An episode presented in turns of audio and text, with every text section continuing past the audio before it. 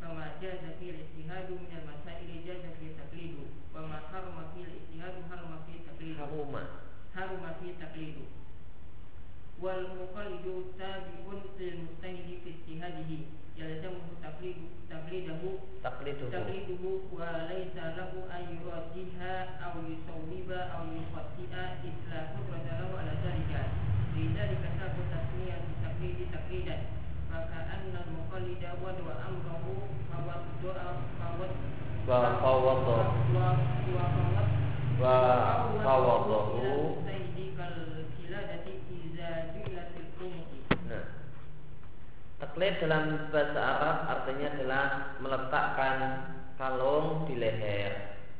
Dan gilada telah dikenal yaitu suatu benda yang diletakkan oleh perempuan di lehernya. Itulah kalung. Sedangkan secara istilah tapi artinya adalah mengikuti perkataan orang lain tanpa mengetahui dalilnya. Bayar mungkin bayar ta'rif dan mungkin kita jelaskan pengertian di atas dalam poin-poin berikut. Yang namanya taklid adalah mengambil pendapat orang lain. Maka kata-kata kaul pendapat ini menunjukkan bahasanya mengambil isi kandungan Quran, Sunnah dan ijma tidak disebut taklid. Inna mawa akan tapi itulah itibar. Sehingga yang dimaksud dengan perkataan orang dalam definisi di atas adalah istihad orang.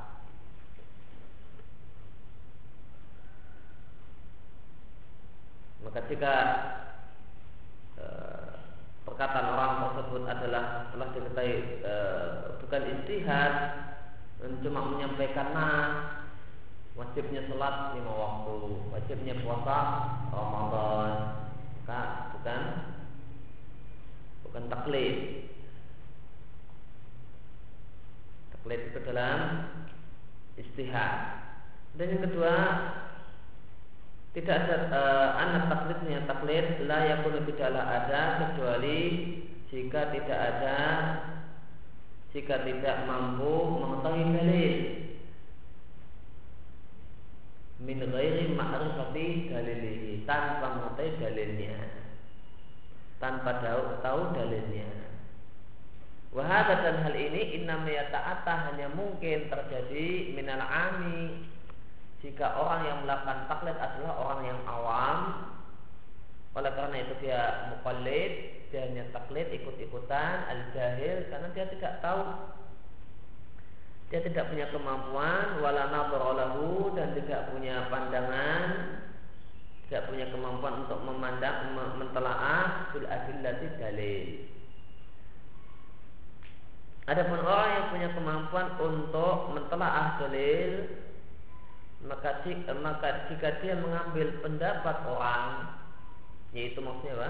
istihad orang intabayana sawabuhu jika dia ambil pendapat tersebut karena nampak baginya itu adalah pendapat yang benar karena menurutnya itu adalah pendapat yang benar maka ini tidak disebut taklid namun ini disebut tarajih dan ini disebut ikhtiar pilihan pendapat. Amma in akhadha biqaulil ghairi adapun mengambil perkataan orang lain, pendapat orang lain atau istihad orang lain min ghairi nazar tanpa mentelaah dalil-dalilnya padahal dia punya kemampuan untuk mentelaah dalil ini adalah orang yang taklid namun layuk daru ma'al kudrati tidaklah dimaafkan, tidaklah dimaklumi jika dia punya kemampuan untuk mentelaah dalil. Bagaimana keterangannya nanti akan bagaimana nanti akan kita bahas. Kemudian perkara yang kita boleh taklid di dalamnya adalah perkara yang kita boleh beristihad di dalamnya. Maka perkara yang boleh istihad di dalamnya masalah-masalah yang kita boleh beristihad di dalamnya maka boleh taklid di dalamnya. Dan masalah-masalah yang haram istihad di dalamnya maka haram taklid di dalamnya wal muqallid tabi'un lil mustahidi fi istihadihi.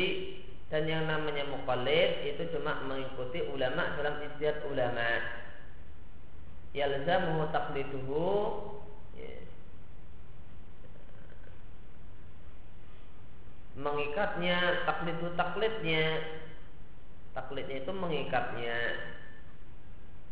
Ya karena walai salahu dan tidak boleh bagi mukallid untuk mentarjih menilai benar dan menilai salah satu pendapat.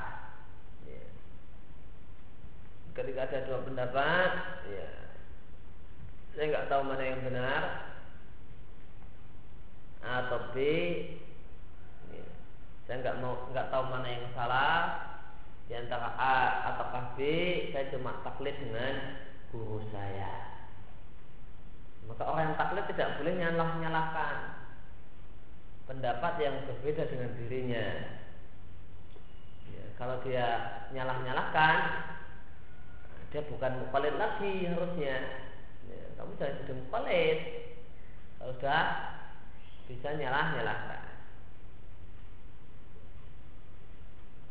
nah, jadi orang yang sudah punya kemampuan untuk menimbang hujah Nah, orang yang punya kemampuan untuk menimbang hujah, nah ini orang yang boleh menilai menurut saya ini salah. Menurut saya yang benar ini karena alasannya demikian demikian ini yang lebih tepat dengan dalil lebih sesuai dan seterusnya. Itulah putratalahu ala dalika. Karena memang dia orang awam yang tidak punya kemampuan untuk menilai mana yang benar dan mana yang salah. Oleh karena itu sah boleh penamaan taklid dengan taklid. Maka seakan-akan mukallid orang yang taklid meletakkan perkaranya dan menyerahkannya kepada si ulama. Sebagaimana sebuah kalung ketika diletakkan di leher. Ya,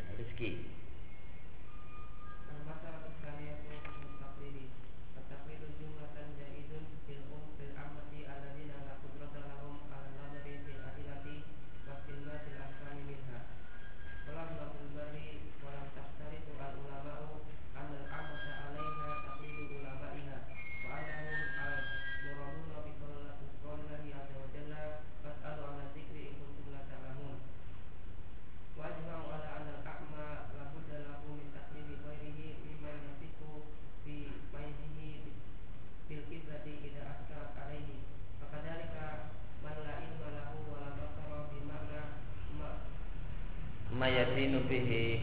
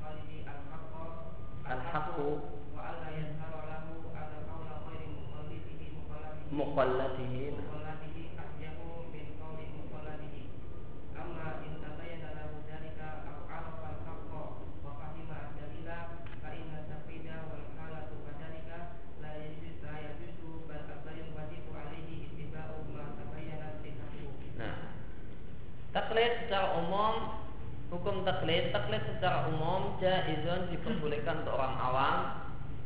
Orang yang tidak punya kemampuan untuk an-nazar fil adillah mentelaah dalil dan menyimpulkan hukum dari dalil. Ibn Abdul Bar mengatakan para ulama tidak berselisih pendapat bahasanya orang awam alaiha kewajibannya taklidu ulama iha taklid dengan ulama daerahnya ulama di wilayahnya. Wa annam al muraduna dan mereka orang-orang awam itulah yang dimaksudkan dalam firman Allah. Bertanyalah kepada orang-orang yang berilmu jika kalian tidak tahu. Maka ayat ini menunjukkan bahasanya salah satu makna zikir adalah ilmu.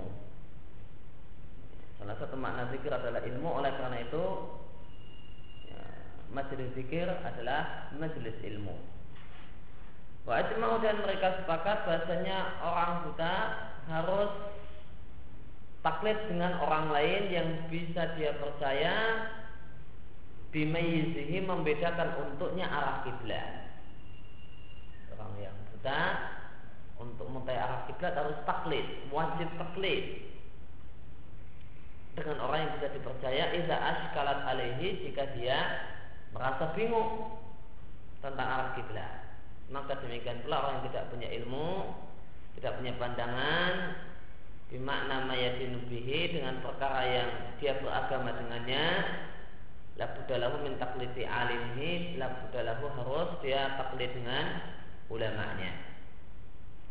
Taimiyah mengatakan waladi alaihi jamahirul ummati dan pendapat yang dipegangi oleh jumhur ulama bahasanya istihad itu boleh secara umum secara global umum boleh sebagaimana taklid itu secara global juga boleh Jumhur ulama tidak mewajibkan istihad atas semua orang dan mengharamkan taklid atas semua orang.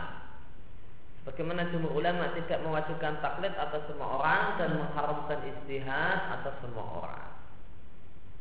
Adapun hukum taklid secara rinci maka ada yang boleh dan ada yang tidak boleh. Taklid yang boleh adalah taklid yang terpenuhi padanya syarat-syarat berikut ini. Syarat yang pertama, hendaknya si mukallid adalah memang orang yang bodoh. Orang yang tidak mampu mengetahui hukum Allah dan Rasulnya secara langsung. Orang yang bingung kalau baca perbedaan pendapat dan hujah masing-masing pendapat. Amal qadir ala istihad adapun orang yang mampu beristihad dan di antara bentuk istihad adalah tarji Fasahi maka yang benar dia diperbolehkan taklid ketika tidak mampu beristihad. Orang yang aslinya mampu untuk memilih memilih pendapat yang kuat dia diperbolehkan untuk cuma ikut-ikutan saya dalam masalah yang saya ikuti si A kapan ketika dia tidak punya kemampuan untuk memilih Nah, kapan seorang itu tidak punya kemampuan untuk memilih? Yang pertama, litakafuil adillah. Karena sama kuatnya dalil. Sekufu, semua dalilnya sekufu. Ini ya kuat, itu yang kuat, sekufu. Bingung. Akhirnya sebenarnya dia adalah orang yang punya kemampuan untuk memilih namun karena sama-sama kuat, dalilnya dianggap sama-sama mantap, ya, maka dia telah saya bingung tentang masalah ini. Yang saya pilih dalam masalah ini adalah pendapat si A. Bukan karena apa-apa ya, karena saya mantap dengan orangnya, bukan karena mantap dengan pendapatnya, karena saya e, bingung karena dalam hal ini pendapat sama-sama kuat. Yang kedua imalidayikil waktu Jadi karena sempitnya waktu Tidak ada Waktu terlalu sempit untuk beristihad. Ini ada masalah Yang harus dijawab sekarang. Atau ada masalah yang harus diberi keputusan Sikap sekarang. Tidak ada waktu untuk menimbang, memilih, mikir dalam-dalam. Maka langsung ambil ya, pendapat uh, pendapat yang ada. Dan uh, yang ketiga wa imma li adami zuhuri dalilin lahu. Boleh jadi karena tidak jelasnya dalil menurutnya.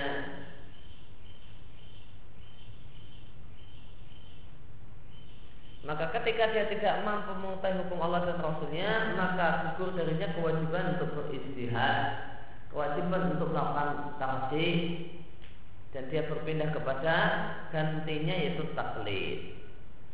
Syarat yang kedua adalah dia mengikuti orang yang diketahui punya ilmu, orang yang diketahui bisa beristihad, bisa memilihkan pendapat, dan dia adalah orang yang taat dan orang yang saleh.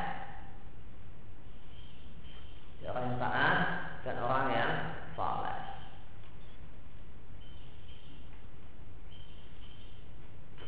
Maka syarat yang kedua orang yang diikuti haruslah orang yang berilmu dan orang yang ketiga adalah orang yang soleh.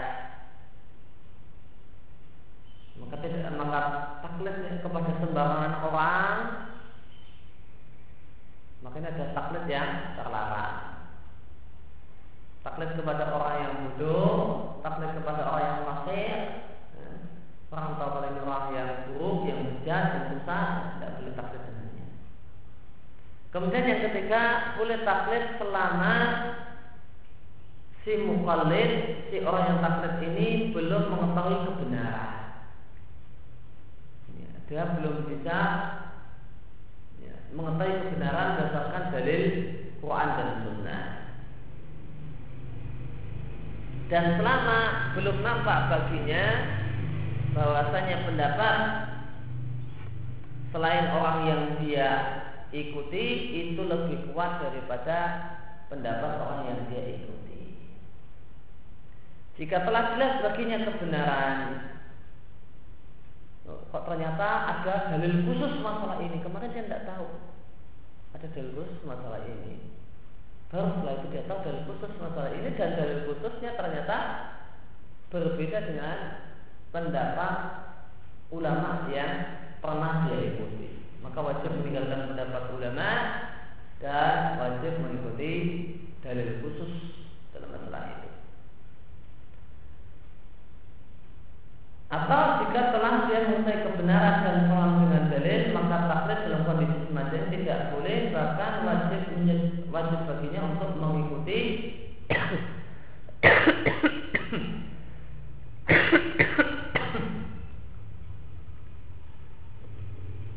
pendapat yang dia ketahui kebenarannya.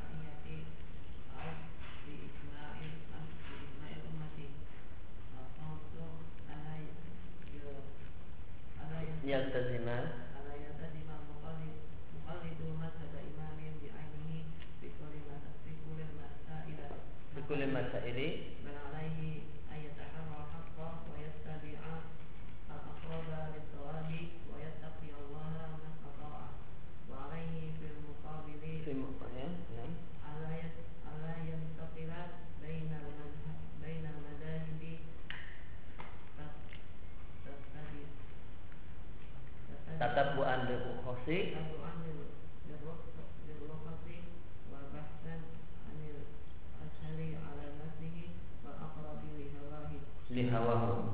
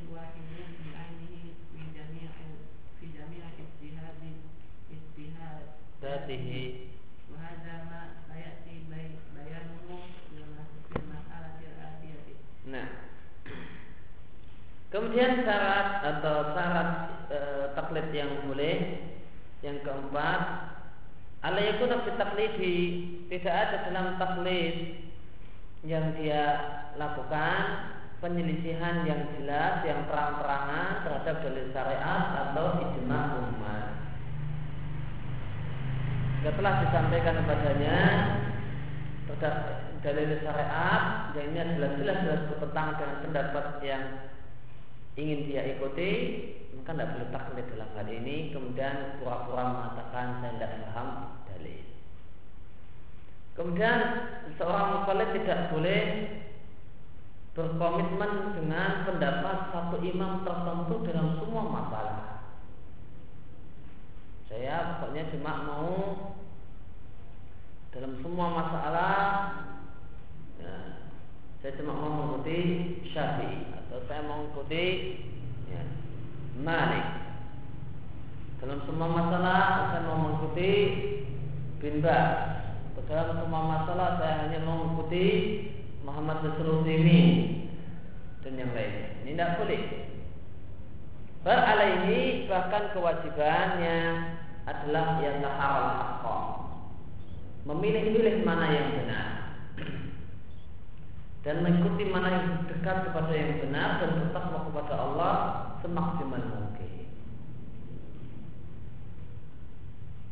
Kalau perkara-perkara yang dia bisa yang gamblang cara memilihnya itu mudah, ya, maka dia memilih karena alasan.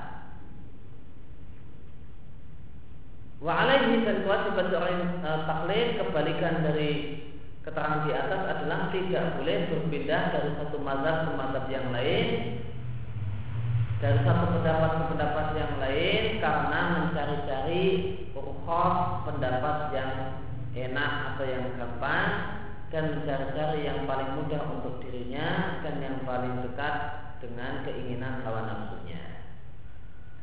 Ada taklid yang tercela ada beberapa macam. Yang pertama adalah berpaling dari ajaran yang Allah turunkan dan tidak mau iltifat menoleh atau peduli dengan wahyu karena merasa cukup untuk dengan mengikuti nenek moyang. Maka dengan bahasa lain yang pertama adalah taklid dengan nenek moyang sehingga tidak mau peduli dengan Al-Quran. Jika dikatakan pada mereka ikutilah apa yang Allah turunkan, mereka mengatakan kami hanya mengikuti mawajudna ali aba'ana uh, mawajudna alai aba'ana kami hanya mengikuti praktek beragama yang kami jumpai dilakukan oleh nenek moyang kami. Apakah meskipun setan mengajak mereka kepada siksa neraka? Kemudian yang kedua taklidu man la ya'lamu al muqallid taklid kepada orang yang oh, si muqallid si orang yang taklid ini tidak tahu apakah orang yang dia ikuti ini layak untuk diambil pendapat dan istihadnya ataukah tidak. Taklid asal-asalan, ya, asal ucapan tetangganya, ucapan temennya, ya, dia tidak tahu orang ini ngerti agama ataukah tidak, maka diambil. Nah, taklak, maka taklid atau mengikuti orang yang si mukallid itu tidak tahu secara pasti apakah orang yang mau dia ikuti itu layak diambil ilmunya ataukah tidak maka ini taklid yang terlarang. Kemudian taklid mengikuti pendapat orang yang menentang firman Allah dan sabda Rasulnya. Siapa pun dia siapa pun maka nadzalikal mu'arid si penentang tersebut.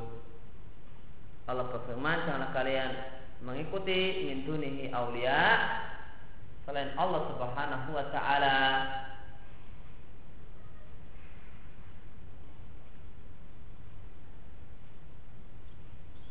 Maka nampak bahasanya orang tersebut adalah menentang dalil. Maka kewajiban orang awam untuk tidak mengikuti orang yang semacam ini modelnya. Kemudian masih saja nekat untuk tetap taklid setelah jelas kebenaran dan telah mengetahui dalil. Karena taklid yang boleh adalah selama belum tahu mana yang benar, mana yang kuat berdasarkan pertimbangan dalil dan faedah. Kalau sudah tahu tetap taklid, maka jadi taklid yang tercela.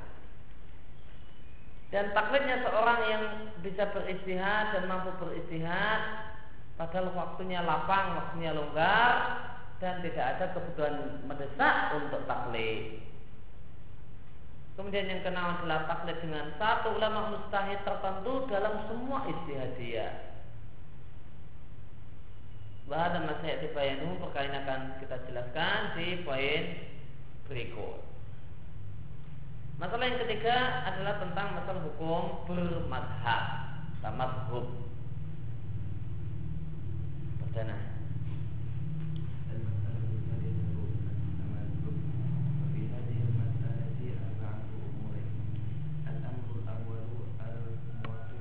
Al-Mawqifu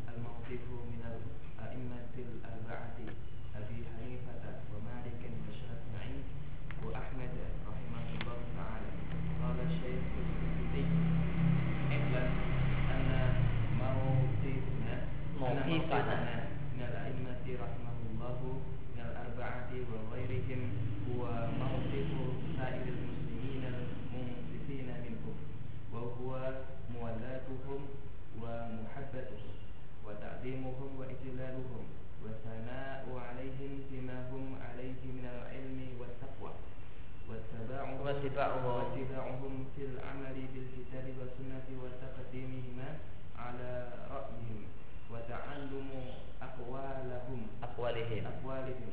وتعلم أقوالهم لل استعانة. استعانة بها على الحق وترك ما خالف الكتاب كتابا ما خالف الكتاب والسنة منها أما أما المسائل التي لا نص فيها فصواب النظر في اجتهادهم فيها. وقد يكون اتباع اجتهادهم أصواب أصوب أصوب أصوابا آه، من اجتهادنا لأنفسنا. لأنهم أكثر علما وتقوى منا. ولكن علينا أن ندرى أن ننظر أن ننظر ونحتاط لأنفسنا في أقرب الأقوال إلى آه، رضا الله وأقواتها وأبعادها من الاشتباه كما قال صلى الله عليه وسلم دع ما يريبك إلى ما لا يريبك يريبك وقال فمن اتقى شبهات استبرأ لدينه فمن اتقى شبهات استبرأ beginning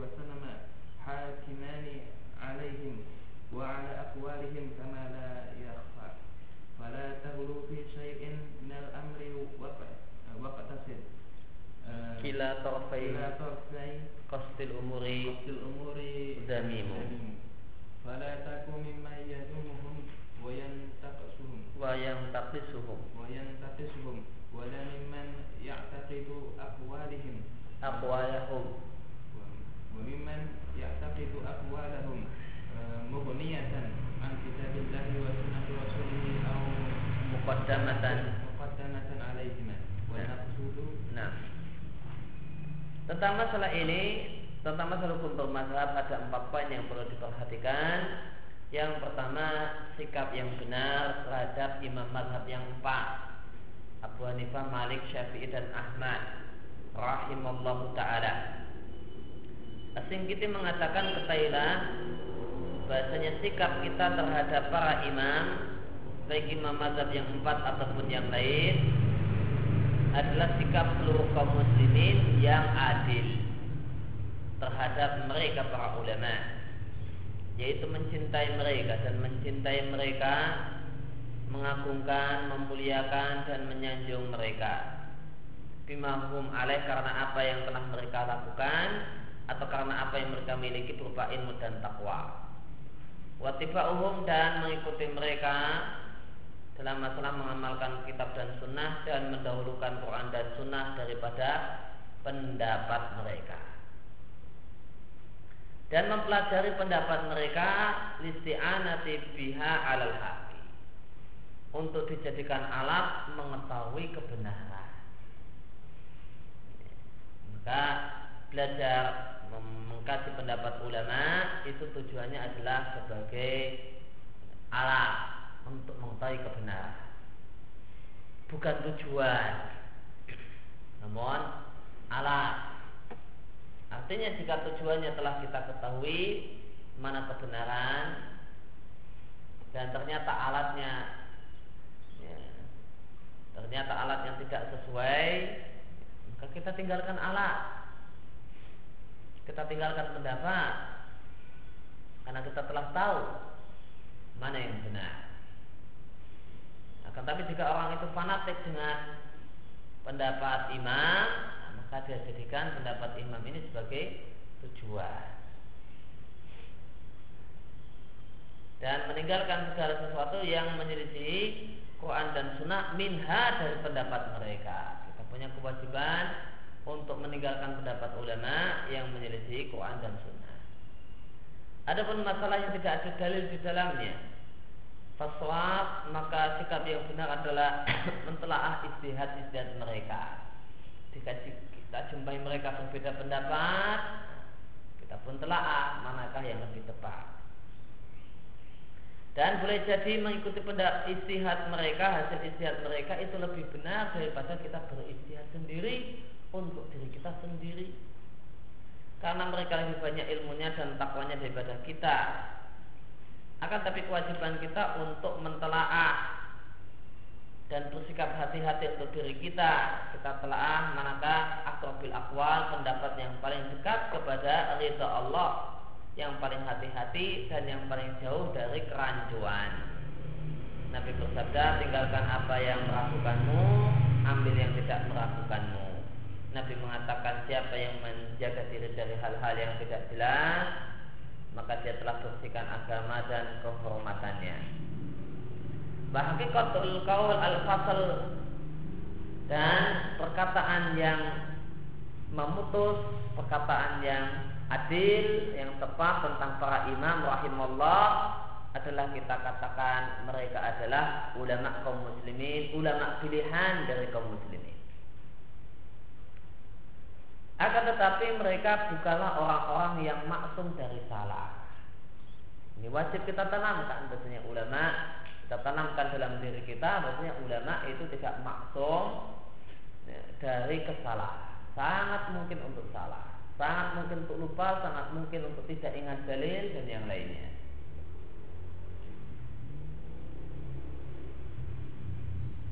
Dan kita katakan lisanul hal afsahu min lisanil maqal. Ya. Orang Arab mengatakan bahasanya bahasa-bahasa sikap itu lebih jelas, lebih gamblang daripada bahasa omongan. Artinya boleh jadi secara omongan semua orang mengatakan ulama tidak maksum dari salah. secara omongan. Saya yakin tidak ada orang yang berani ngomong dan mengatakan ulama yang saya kagumi ini bersih dari salah secara omongan. Namun ingat lisanul hal afsah min lisanil maqam. Nah, ada bahasa-bahasa sikap. Ada bahasa-bahasa sikap boleh jadi secara lisan, secara omongan tidak mengatakan ulama yang saya kagumi bersih dari salah. Namun tidak sedikit orang yang bahasa sikapnya menunjukkan bahasanya ulama yang dia gemari bahasa sikapnya menunjukkan kalau ulama yang dia gemari itu eh, dinilai bersih dari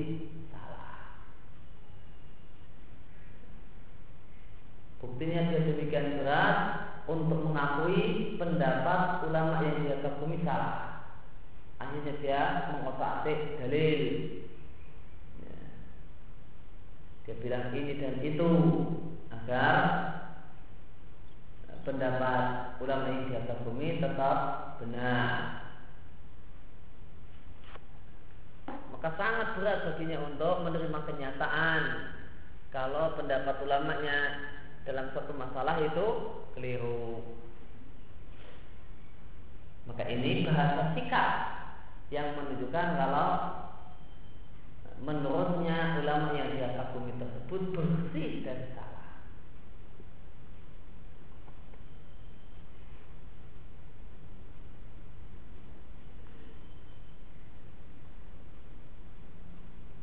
Maka berkaitan dengan annahum laisa ma'sumin al khata'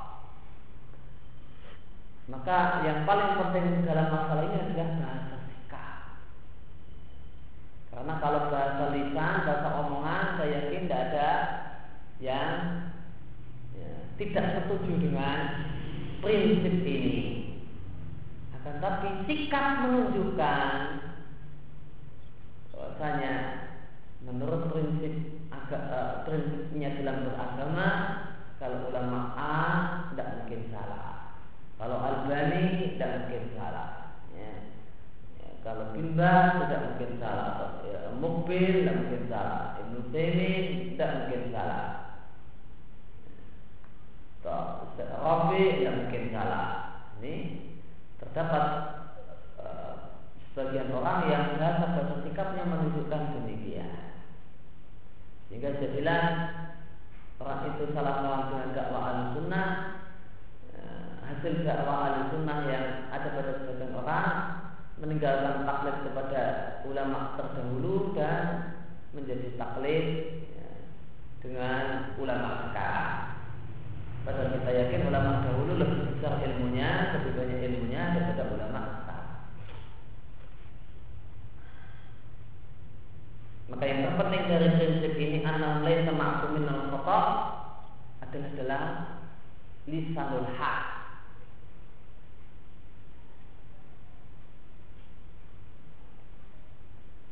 Fakulu ma'asatu fihi maka semua pendapat semua istihad yang mereka benar padanya maka untuknya pahala istihad dan pahala bersesuaian dengan kebenaran sehingga dua pahala.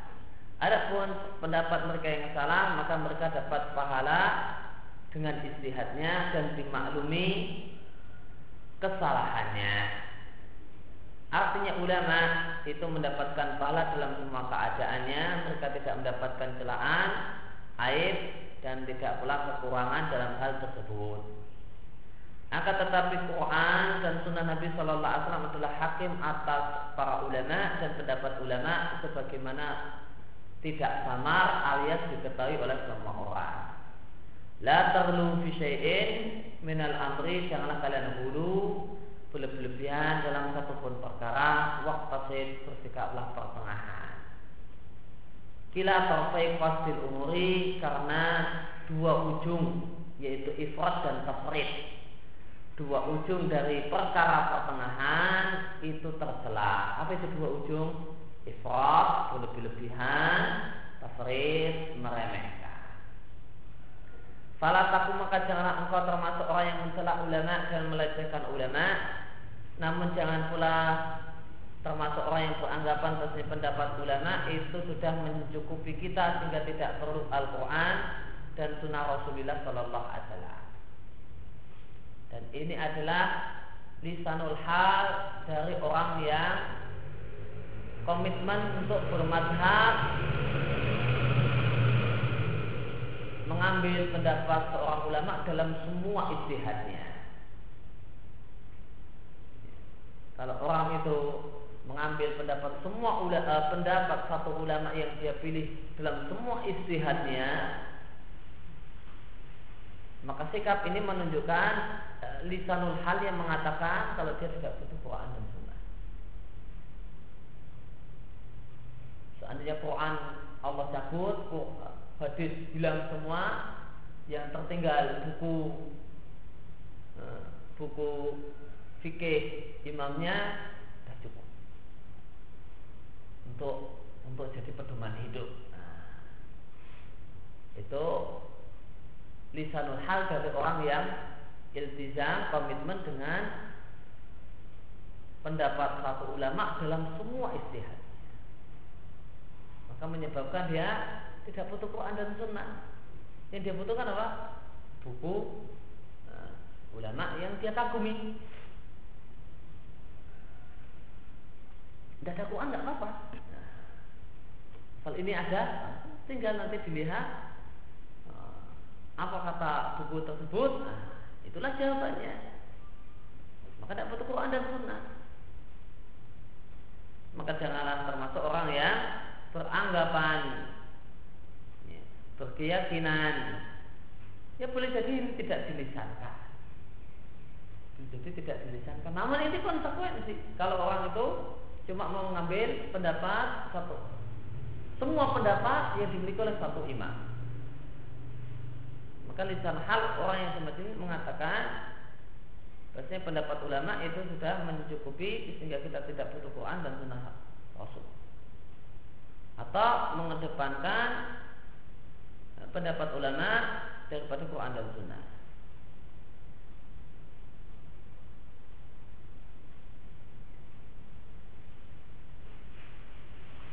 Wal maksud anna la budda min al-jam'i baina amrayni azimaini ahaduma a'zam min al-akhari.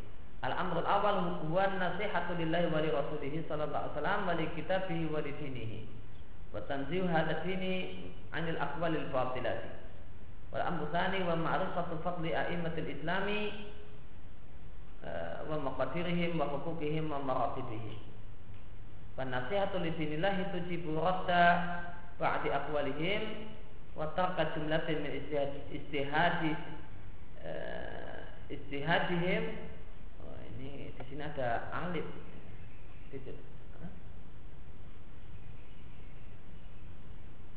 dicetakan saya ada alif kalau kalau tanpa alif berarti istihadihim kalau ada alif berarti istihadatihim Walaysa bidzalika tanaqusun lahum wala ihdarun limakanatihim Wa kadzalika fa inna ma'rifata fadlil a'immati la yujibu qabula kulli ma qaluhu. Fahadan tarfani jairani anil qasdi wal qasdu sabili bainahuma atraful awal al qawlu bi ismatil a'immati wa annahum la yukhti'una wa qabulu jami' aqwalihim walau khalafat walau khalafatil haqqa Fatarfu tsani ta'timul a'immati wal waqi'ati wal waqi'atu bihim wa ihdaru jami'i aqwalihim walau wafaqat al haqqa. Wal maksud intinya inti dari kutipan e, perkataan Singkiti adalah la Buddha harus setiap muslim harus mengumpulkan dua perkara penting pada dirinya. Yang satu, yang nomor satu lebih penting daripada yang nomor dua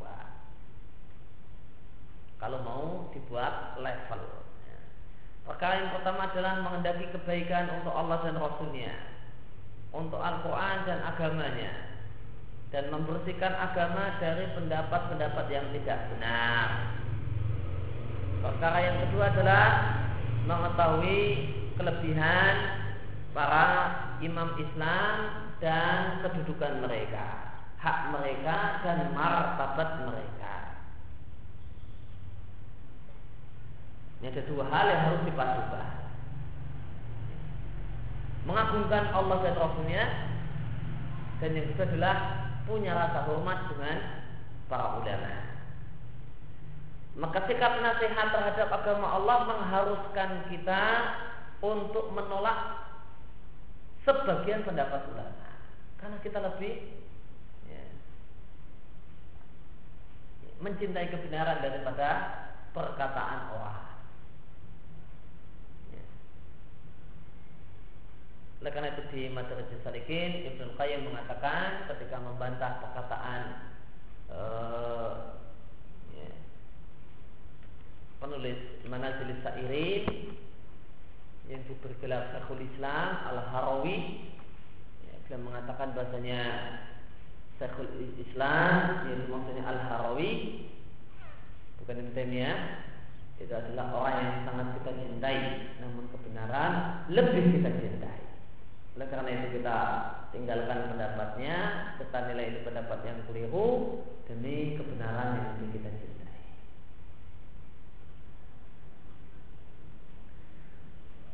Dan iman kita dan pengagungan kita kepada agama menyebab mengharuskan kita untuk meninggalkan sejumlah istihad-istihad mereka.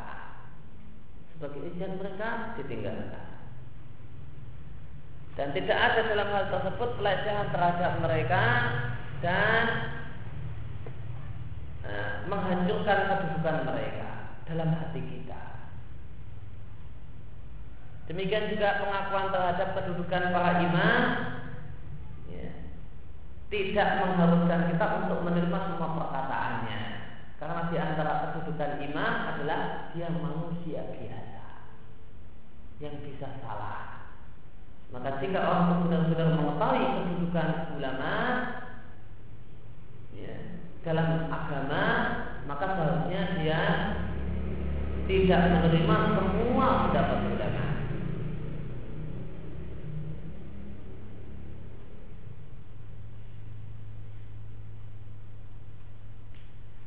Fahadani maka dua pendapat berikut ini adalah jairani anil qasdi adalah pendapat yang menyeleweng dari jalan yang lurus dan jalan yang lurus adalah pertengahan di antara dua pendapat berikut ini. Pendapat yang pertama adalah mengatakan maksumnya imam. Maksumnya imam dengan lisan makal sebagaimana perkataan Rafidah atau dengan lisan hal? Sebagaimana perkataan ya, mukallid atau muta'assib mukallid ya. mukallid yang fanatik. Mukallid yang fanatik itu lisan hal yang mengatakan kalau imamnya ulama yang masuk kiainya wa anam la yukhti'un dan mereka tidak salah dan menerima semua pendapat mereka meskipun menyelisih kebenaran.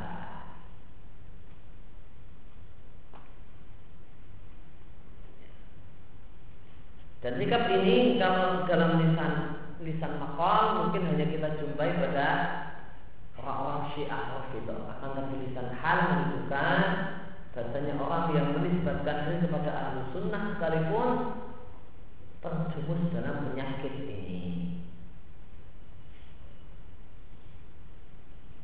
Kemudian sikap yang kedua ini ada juga sikap yang salah, ya, mendosakan para ulama, mengatakan para ulama berdosa dengan pendapatnya yang salah, wal atau dan mencela para ulama.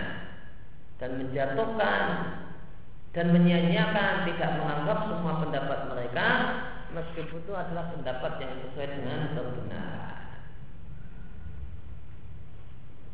Maka pendapat ulama yang salah kemudian menyebabkan kita katakan ulama tersebut berdosa, tidak yang tidak benar. Akhirnya kemudian mencela mereka, sikap yang tidak benar. Maka yang benar adalah sikap ya, la taksima wala taksima ya. Terhadap ulama kita tidak la taksima tidak kita katakan maksum baik dengan lisan hal ataupun lisan makol wala taksima dan tidak pula kita fonis mereka sebagai orang-orang yang berdosa karena pendapat-pendapat mereka. Ya, demikian kita baca begini ini. Untuk Allah dan kita